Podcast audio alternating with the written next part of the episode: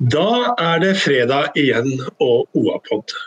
Og det er det normale, får vi si. For denne uka så har vi OA kjørt beanie-podder hver eneste dag. Det viser kanskje hvor stort behovet for informasjon har vært. Det er veldig mange som har søkt oss i disse koronatider. Og vi har forsøkt å svare så best vi har kunnet, Stina Håkonsbakken, Roland og jeg. I dag så har vi på menyen at eh, 160 000 av oss skal bli smittet i Innlandet eh, dette året og aller flest faktisk i Gjøvik-regionen. Hvordan løser vi det? 120 millioner kroner i krisepakke i Gjøvik eh, kommer nå. Og 800 står uten jobb i Raufoss-industrien. Hva betyr dette for oss? Mitt navn er Erik Sønsterli, og eh, sammen med oss i dag så har vi kommuneoverlegen Siri Fuglen Berg. Hun som står midt i koronakrisen og skal passe på oss alle. Er du sliten? Ja, i per perioder er jeg nok det. Men eh, det går bra enn så lenge. Jeg eh, må nesten spørre deg også, sånn helt kort, for, eh, for de som ikke visste hvem Siri Fuglenberg er nå, før du plutselig er hver eneste dag i avisen. Helt kort, hvor lenge har du vært legen vår? Og så skal jeg rådgi myndigheter, for det er jo den viktige oppgaven din, ikke sant? I de helsefaglige spørsmålene. Jeg har hatt jobben som kommuneoverlege for Gjøvik kommune siden høsten 2015. Så fem år snart. Nettopp. Fem år, ja. Fire og et halvt, ikke det? Og mer hektisk nå har du aldri hatt det? Nei, det begynte ganske heftig med flyktningkrisen, men eh, det er nok hakket heftigere nå, ja. ja. Absolutt.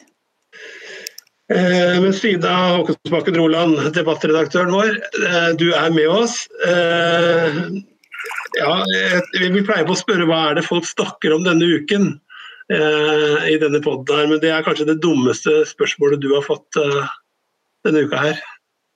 Det er i hvert fall det enkleste å svare på. Det går i pandemi og korona og det kommer veldig mye oppbyggelige leserinnlegg. Da, da syns jeg er flott at folk eh, Dette skal vi klare, stå sammen og Det syns jeg er godt å lese. Mm. Er det noe annet enn korona som eh, folk skriver eh, inn til debattspaltene våre på? Av meningssidene? Eh, nei. ja, du spør. Jeg har det ikke vært det denne uka her. Men det kommer nok. Ja. Det får vi håpe. Eh, at det blir normaltilstand igjen. Men la oss eh, først som sist gå til eh, koronaen. Siri Fugleberg, hvor mange er syke i regionen vår nå? Oi, i regionen? Da må jeg jo slå opp sjøl. Det er Nei, men, fem i Gjøvik. Nei, unnskyld, sju. Sju påviste tilfeller i Gjøvik. Men én ja. har blitt frisk igjen. En har blitt frisk igjen. Ja. Hvor, lang, hvor lang tid tok det? Eh, det er litt sånn uklart akkurat i det tilfellet, for det er, hender det begynner litt sånn snikende. Eh, men jeg tror vedkommende var syk eh, relativt kort tid, så en sånn ukes tid kanskje. Mm. Hva kan du si om de seks andre, da, og tilstanden deres?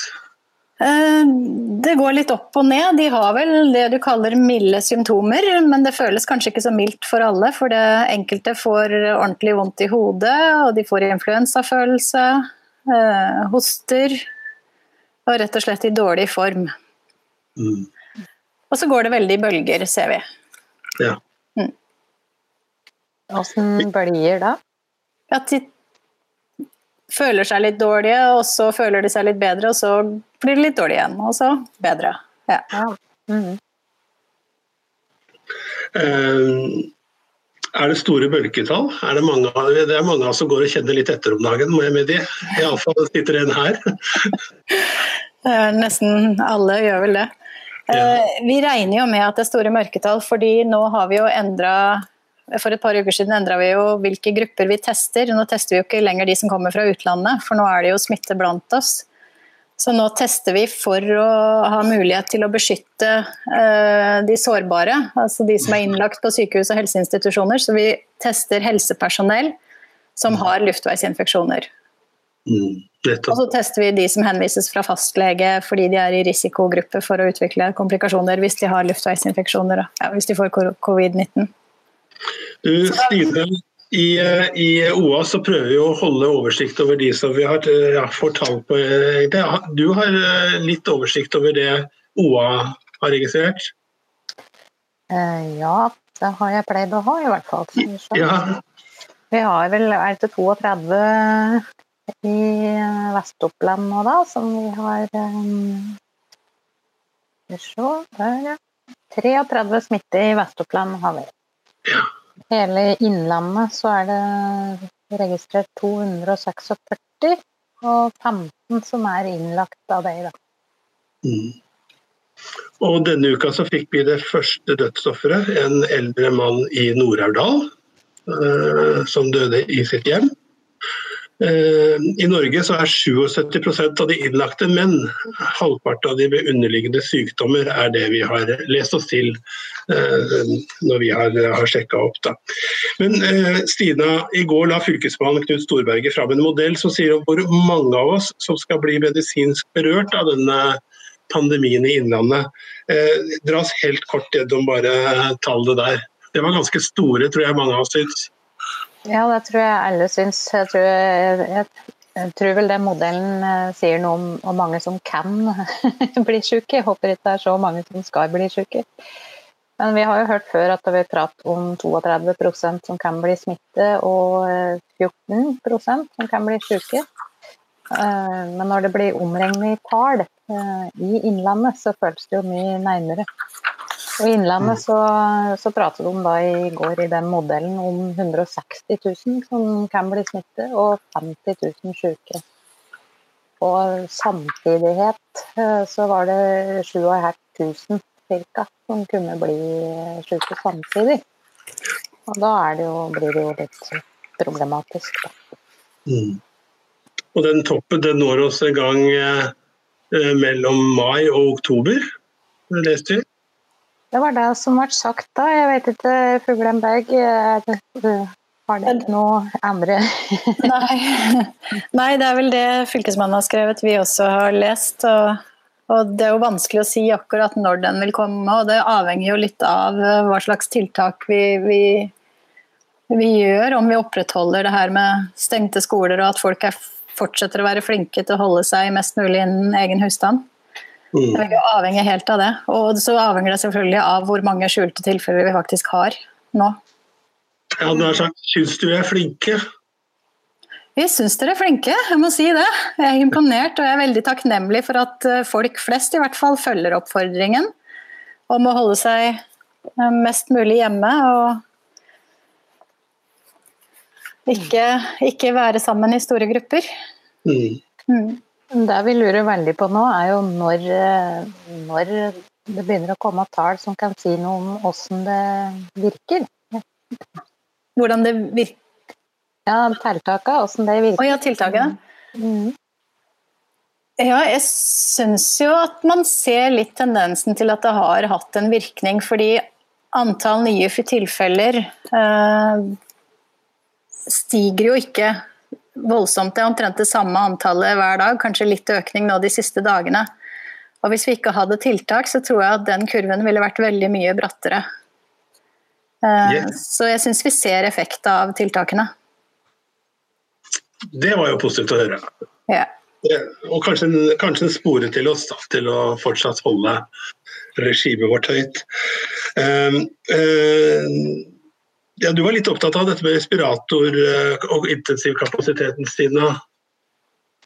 Ja, det har vært, eh, Det har jo vi spurt sykehuset om eh, flere ganger uten å få noe svar. Men i går så sa de at det var en kapasitet på 27 respiratorer og 50 intensivmaskiner.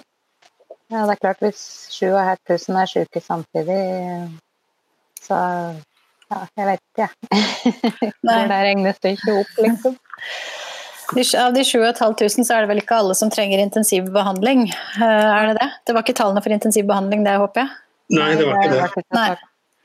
Um, for tallene fra Italia er jo ganske stygge når man ser på hvor mange som trenger intensivbehandling. Jeg Jeg på, lurer på om de anslo mellom 10 og 20% der, så vi får håpe at det ikke, ikke blir helt likt i Norge. Mm. Um, men så vet, så jeg jo at de har bestilt en del sånne pustemaskiner, respiratorer, til Norge som helhet. Jeg vet ikke hvordan de har tenkt å fordele alle de maskinene. Eh, men så trenger de jo folk som kan bruke dem også, håndtere dem og, og ta seg av pasientene som ligger på, på, respirator. Så det er jo både maskiner som er mangelvære, og også helsepersonell som kan det. Så Det er jo derfor vi er så strenge med, med oppfordringene om, eh, om, å holde seg hjemme òg, og de tiltakene. For det, det er jo for å bremse utviklingen og spredningen av sykdommen, sånn at vi kan holde tallet på intensivpasienter så lavt som mulig. Mm. For det går jo ikke bare utover koronapasienter, det går jo utover alle andre som trenger intensivbehandling òg. Pga. andre ting. Og, så, og Hvis man skulle være helt egoistisk, så er det jo sånn at uh, til det varer jo bare leggere hvis, vi ikke, hvis disse tiltakene varer da, eller, eller virker. Så, så, er det beste måten å bli ferdig med dette på, er, er at vi, vi, blir flinke nå, ja, er flinke nå, da, tenker jeg. Men eh, Gjøvik-regionen og Hamar-regionen de kommer til å bli hardest rammet, Siri Fugleberg. Hvorfor, eh, hvorfor er det Hvorfor er det hos oss det er rødest eh, på det kartet som ble, ble offentliggjort? Uh, Fordi vi er flest, kanskje? rett og slett? Jeg vet ikke om vi bor Var det Oppland-Hedmark-kart, hvor vi var i øst? Nei, det var hele Innlandet. Hele Innlandet, ja. ja. Det er vel her vi bor tettest, kanskje. Jeg vet ikke om det har noe å si at vi er mer i risikosonen fordi vi er mer blant andre mennesker. Jeg vet ikke om de er mm. flinkere der det bor litt tynnere. Ja, det er, nok, eh, det er, vel, er vel, slik. Eh, hva vet vi om hvordan kommunene forbereder seg til dette? At vi skal være eh, eh Jeg så altså 106, eller 5, 7500 syke samtidig. Da.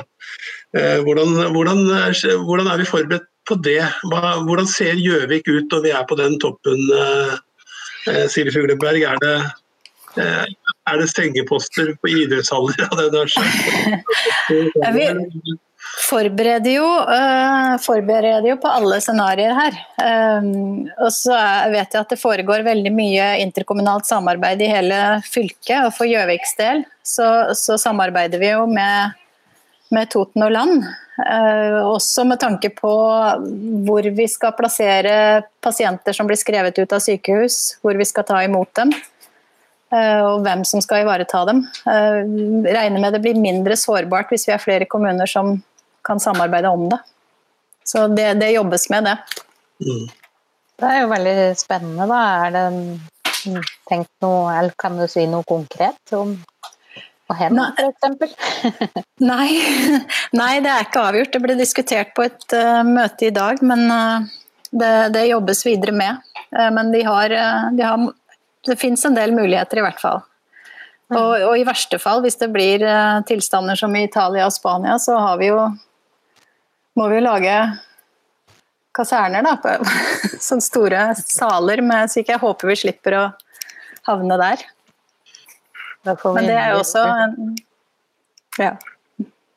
Men vi er jo ikke helt Italia. Altså, vi er jo ikke vi, vi er jo Vi bor lenger fra hverandre, vi er færre du hører ja. håp, håp, i stemmen min. Ja da, men eh, det er, eh, det er, et litt heftig virus det her. Det smitter veldig mye lettere enn vi, vi så for oss før det kom til Italia. Mm. Men det er, Noe annet jeg syns er helt merkelig, da, er jo at det er lite henvendelser til legekontorene. Så vidt eh, hadde ikke vi en sak om det? Jo, den tror jeg er ute akkurat nå. Um, både legekontorer og til uh, akuttmottaket på sykehuset, så vidt jeg skjønner. Uh, Sykehusdirektør uh, Anders sier at du er litt bekymret for at folk venter lenger før de tar kontakt nå. Ja, vi ser det på legevakt også, at folk venter mye lenger. Og det er jo ikke bra det heller. Det er jo viktig at folk oppsøker legen når de trenger legehjelp. Så er det også viktig at folk går til fastlegen sin for de tingene som trenger oppfølging. Eh, men det er en markant eh, nedgang i antall henvendelser, det er det. Mm, mm. Folk er kanskje redd for, redd for å være en byrde, og redd for å smitte og redd for å bli smitta. Ja.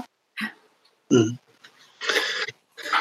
Ja, øh, er det noen flere lyspunkter da? Jeg, jeg, tar det som et lyspunkt at det virker litt. Da sier du at det, at det ikke stiger så fort som kanskje, kanskje vi hadde grunn til å, å, frykte. Er det noen andre lyspunkter? Har du noen gladmeldinger på en fredag, Fugrenberg?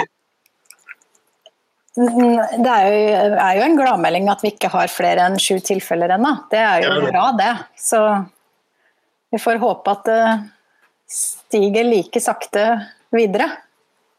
Og så er én frisk en. Én frisk. Det ja, det er bra. Uh, ja uh, Det er snart påske påskesida. Har du fulgt med på nyhetsbildet om det er noen muligheter til at vi kan åpne litt for disse tiltakene, eller? Eh, jeg har jo registrert at eh, Folkehelseinstituttet eh, i hvert fall ser på analyser da, for risiko ved å åpne litt igjen på noen av tiltakene, som skole f.eks. Dette, dette med hytte er jo i vinden, for å si det slik. Så det kan jo hende at det kommer noe der. Hva tenker du, eh, kommuneoverlege? Uh, ta hyttene først, kanskje. Jeg syns jo det var så fint et uh, Det var vel et leserinnlegg i en av riksavisene der en intensivsykepleier ble så seg lei av hyttefolk som prøvde å finne smutthull. Hvor hun sa at hun jobbet for dem i påsken, så da kunne de bli hjemme for henne. Ja. Jeg, jeg syns jo at fokuset bør være på at nå hører vi på anbefalingene fra myndighetene og forholder oss til det. Og forholder oss til at det er et, et farlig smittsomt virus ute blant oss, i stedet for å bruke energi på å prøve å, prøve å finne de her smutthullene. Mm. Vi, jeg eh, tenkte på det når, når, eh, Hvis det skulle bli sånn da, at, eh, at, det blir åpnet for skoler og barnehager, eventuelt i puljer eller et eller annet, mm. over påske, tror, tror de at alle vil tenke at det er trygt å sende ungene sine mm, Nei, det var vel Nei, det, alle vil sikkert ikke synes at det er trygt. Uh, og hva de det blir til, det er jo veldig usikkert. Hva Helsedirektoratet og Folkehelseinstituttet bestemmer seg for å anbefale. Mm. Så jeg tør ikke å spå noe om det. Eh, men det er klart det er helt sikkert mange som vil være engstelige fortsatt for det. Mm. mm. Ja, jeg bare ser for meg at det kan bli litt sånn praktisk vanskelig å håndtere, da. Hvis folk, mm. Eh, folk er eh, skeptiske til å sende gale ungene sine. Mm. Ehm, ja, skal vi forsøke å gå litt videre da? Vi kommer tilbake til korona litt seinere. Men, eh, men, eh, ja, du har vel uh, hatt så mye å gjøre Fugleberg, at du har knapt fått lest avisene og, og fått, inn, fått, med deg krisepakka til Gjøvik kommune. Har du det? Nei, jeg får med meg altfor lite om dagen av det som skjer. Men er det noen som ikke ja. Eh, men eh, de, du Stina, du, det er ikke så mye som du går glipp av. Du følger tett på alt. 120 eh, millioner kroner var det Torvild Sveen presenterte. Hva ja, går det til? Og det er ganske mye, syns jeg. De flytter på penger, kan du si. Fremskynder en del prosjekter. Både ja, de dobler penger som skal brukes til kommunale veier, f.eks. For, for å dele opp i flere mindre anbud, da, så flere kan få en bit av, på en måte. Mm -hmm. Forskjellig bredbåndsutbygging i Vardal, Snertingdalen og Biri. Der har han fått mm. lurt inn et valgløfte, tror jeg. Mm. Så er det en del konkrete ting. Eh, de tar inn flere lærlinger. Eh, flytt på folk i administrasjonen for, for å ja, f.eks. For forsterke den kapasiteten mot veiplanlegging. De eh, oppretter noen ordninger der du næringsdrivende kan søke om eh, støtte for husleie, utvikle nettløsninger, avstår fra skjenkegebyr. De må kjøpe seg inn i NCE Raufoss som fullverdig medlem der. eh, der. Tilrettelegge for, for næringsetablering. Ja, det var egentlig ganske mange gode punkter i den pakka, syns jeg. Og I dag så kom også krisepakke tre fra regjeringen, som eh, retta seg spesielt mot, eh, mot, bedriftslivet, som jo er i akutt eh, likviditetsnød. Og, og, det var de veldig glad når jeg snakka med Beitostølen og reiselivsnæringa der oppe i dag, så var de pusta de lettere. Der er det jo 120 permitterte bare i HV-systemet. Og så kom jo meldingen som vi hadde meldt, Stina Eh, her i går om, eh, om eh, tilnærma full stopp på bildelitsen på Raufoss. Så ja. Der var jo et par hundre permitterte allerede. Og nå kom Mustad Autoline ja, det var flere. Altså Benter tok vel enda flere, hvis jeg husker meg riktig. Ja, er, hvor mange er det som er Er, er det 800 arbeidsplasser? som er permitterte nå? Ja, Det er jeg ikke helt sikker på om vi har det eksakte tallet, men det er i hvert fall flere hundre. Det var prat på ca. 500 bare innenfor industriparkene i går, tror jeg. Mm. Pluss de som var fra før. og Det er veldig mye folk altså, som er i en usikker situasjon. Jeg tenker det er hvordan verden henger sammen. I Raufoss er, er bilindustrien eh, veldig veldig viktig. Eh, og er helt avhengig av den tyske bilindustrien. Mm. er, hva er situasjonen i Tyskland nå? Er det noen av dere som kan svare meg på det? NTB har i hvert fall noen tall på det. Ja. de, er, de har 45 smitte omtrent, og 260 døde. De har stengt eh, alt som er av barnehager, skoler og eh, slike ting. Eh, ansamlinger med flere enn to er forbudt. Og de vedtok vel i går ei, ei krisepakke. Der snakker vi om Det er jo Europas største økonomi, liksom, så det er betydelige summer. Den krisepakka der var på 1100 milliarder euro.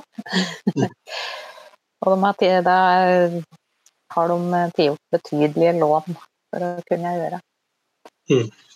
Men der er det bl.a. at eh, staten skal kunne gå inn og kjøpe seg inn i bedrifter som, som sliter. Og bilindustrien i Tyskland er jo enormt stor, så den kommer helt sikkert til å nyte godt av den pakka, da.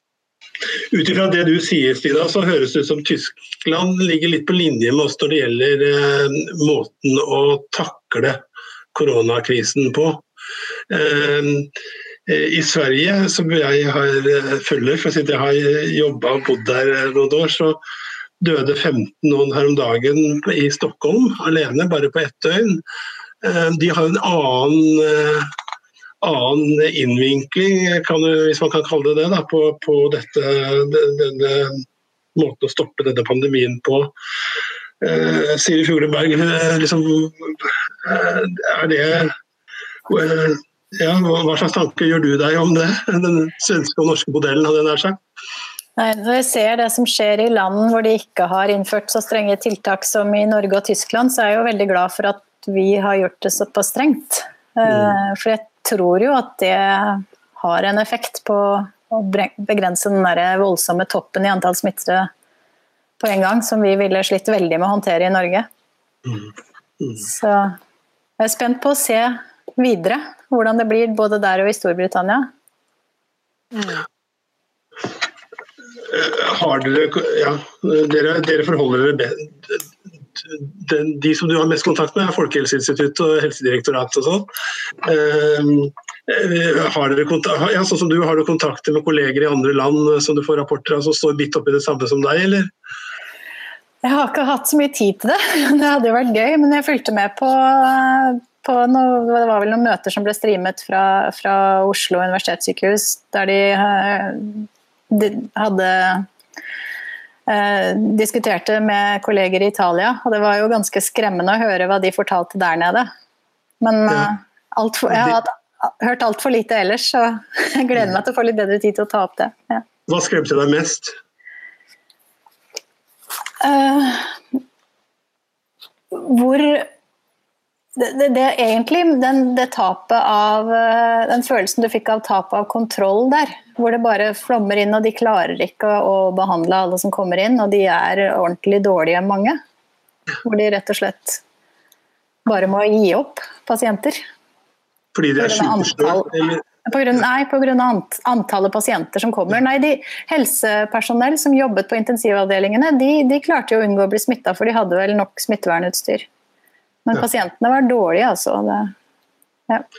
Det har vært mer oppmerksomhet rundt dette med om det kan relateres noe til den antibiotikapolitikken da, som føres i f.eks. Italia. Det kan ha noe påvirkning på noe vis. Men resistens, antibiotikaresistens er jo egentlig utbredt i veldig mange andre land også. Um, så de mener vel også at, de, at det store antallet døde der eller skyldes at de har en eldre befolkning, da. Mm. Eldre befolkning enn Norge, i hvert fall. Mm. Um, hva gjør dere hvis det kommer på syke, apropos eldre? Vi har jo sett eksempler på kommuner i Norge hvor, hvor smitten er kommet inn. Eh, eh, hva gjør man da for å stoppe det? Altså, hvis man kommer først inn på en helseinstitusjon, eh, hva, hva kan vi gjøre for å stoppe det? Liksom? Her er det jo felles vaskerier, her er det felles omskiftingsrom, og ja, det er mange smittekilder. Ja, er, Hvis en pasient blir syk med covid-19, så så blir en jo isolert på, på enerom, og det blir jo smitteverntiltak eh, for alle som går inn. Og så blir det gjennomført smitteoppsporinger da, for å finne hvem som, kan, hvem som mm. har vært i nærkontakt med vedkommende. Og det er jo å få satt dem i karantene. Mm. Eh, det er jo den samme måten vi på, har drevet på i alle år når det gjelder andre, andre smittsomme sykdommer også. Eh, men i, Hva sa du? MRSA og sånt? Ja og ja. Blant annet. Eh, men, men, nå er det jo et litt Det smitter jo litt lettere enn mye vi er vant til. Vi er jo vant til norovirus som smitter veldig lett fra tidligere. Men eh, vi har rutiner og smitteverntiltak å sette inn. Men det er klart det er ikke noe, er ikke noe trivelig å få, å få, det inn på et sykehjem. For det, man vet jo ikke om det da er flere andre som er smitta og som vil bli syke etter hvert. Okay. Så vi, vi gjør hva vi kan for å hindre at det skjer. Ja. Ja. Eh, nei, skal vi prøve å heller bevege oss over på noe hyggelig, som f.eks. å dele ut blomster. Eh, riktignok eh, mer virtuell enn noen gang nå. Men, men, jeg tenker på ja, Siri Fugleberg, hvis du skulle gi en blomst til noen i dag, hvem ville den gå til? Du, akkurat i dag så tror jeg jeg ville ha delt det ut til alle de eh, i kommunen vår som har vært syke med covid-19. For de har vært utrolig flinke til å holde seg isolert. Og det er, det er beintøft altså, over så lang tid som det har blitt for mange av dem. Ja. Kan, kan du dele litt hvordan tøft? Altså Nei, Noen har jo isolert seg, hvis de, hvis de, lever i en familie, så har de kanskje isolert seg i en etasje og hatt resten av familien eh, i en annen etasje, så de ikke har hatt kontakt med dem. De har jo rett og slett levd i ensomhet i lang tid. De har vel hatt mulighet til å snakke på telefon og sosiale medier, men eh, det er tøft å bare være inne over så lang tid. I hvert fall når man begynner å bli frisk. Det er jo ikke noe trivelig når man er sjuk heller å være alene, men det er eh, når du begynner å bli frisk og utålmodig, så syns jeg de har vært flinke. Du deler ut en blomst. Du deler ut en blomst. Unnskyld. Jeg skulle jo gjerne ha delt ut til alle andre som er flinke, og alle som, som uh, har tøffe tider med at de permitteres, og bedrifter som går under. Ja. Mm. Alle fortjener egentlig. Mm. Stina, uh, hvis du også da skulle velge eh, noen da, uh, som fortjener en blomst, hvem skulle det gå til nå? Eh, denne uka så tror jeg den går til Toten.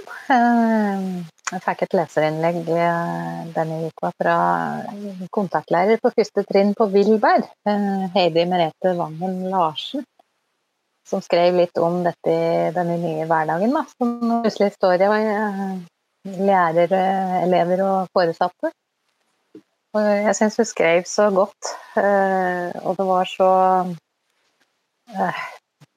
ja, det var så god tone i det, og hun sier at hun ser at uh, kolleger er motiverte, og alle, alle, gjør så godt de kan da, for å fikse dette. Mm. Det er en blomst til, til henne, og ja, det blir jo som en representant for lærere, da. mm, mm. Jeg lurer på om skolen blir helt den samme igjen, når de nå er på helt andre måter. Om vi kommer til å bruke mer digitale virkemidler. og eh, ja, Det er en ny hverdag for veldig mange av oss, og en ny måte å samarbeide på, og snakke sammen på. Plutselig ble jo internett eh, sosialt igjen, nesten. Eh, ja. Jeg vil også dele ut en blomst til fabrikksjef Tore Flaterud ved Rapp Bobek på Kapp og hans ansatte. Han eh, dro hjem fra jobben sist fredag han, og hadde ingen jobb å gå til på mandag. Samme kveld så kom telefonen om at boet var kjøpt opp, og at, alt, at, det skal drives videre. Og Det er jo ekstremt viktig for Toten i disse tider at de 53 arbeidsplassene på Kapp er, er sikra. Ja.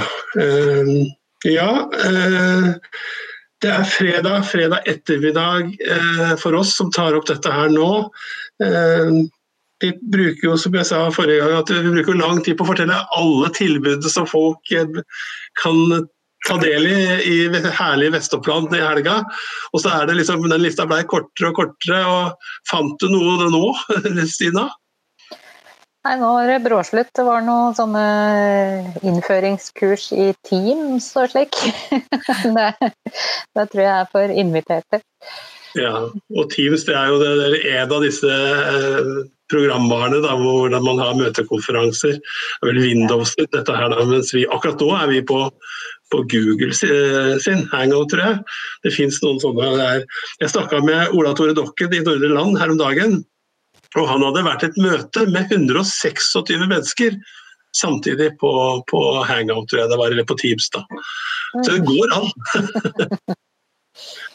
Men jeg skal etter at dette møtet er over, på sameiemøte i, et, i en, en, en, bolig vi har. På, og Der er det altså sånn at der er det såpass mange eldre, så der skal det en sameiemøte, eller generalforsamling om du vil, gjennomføres på e-post.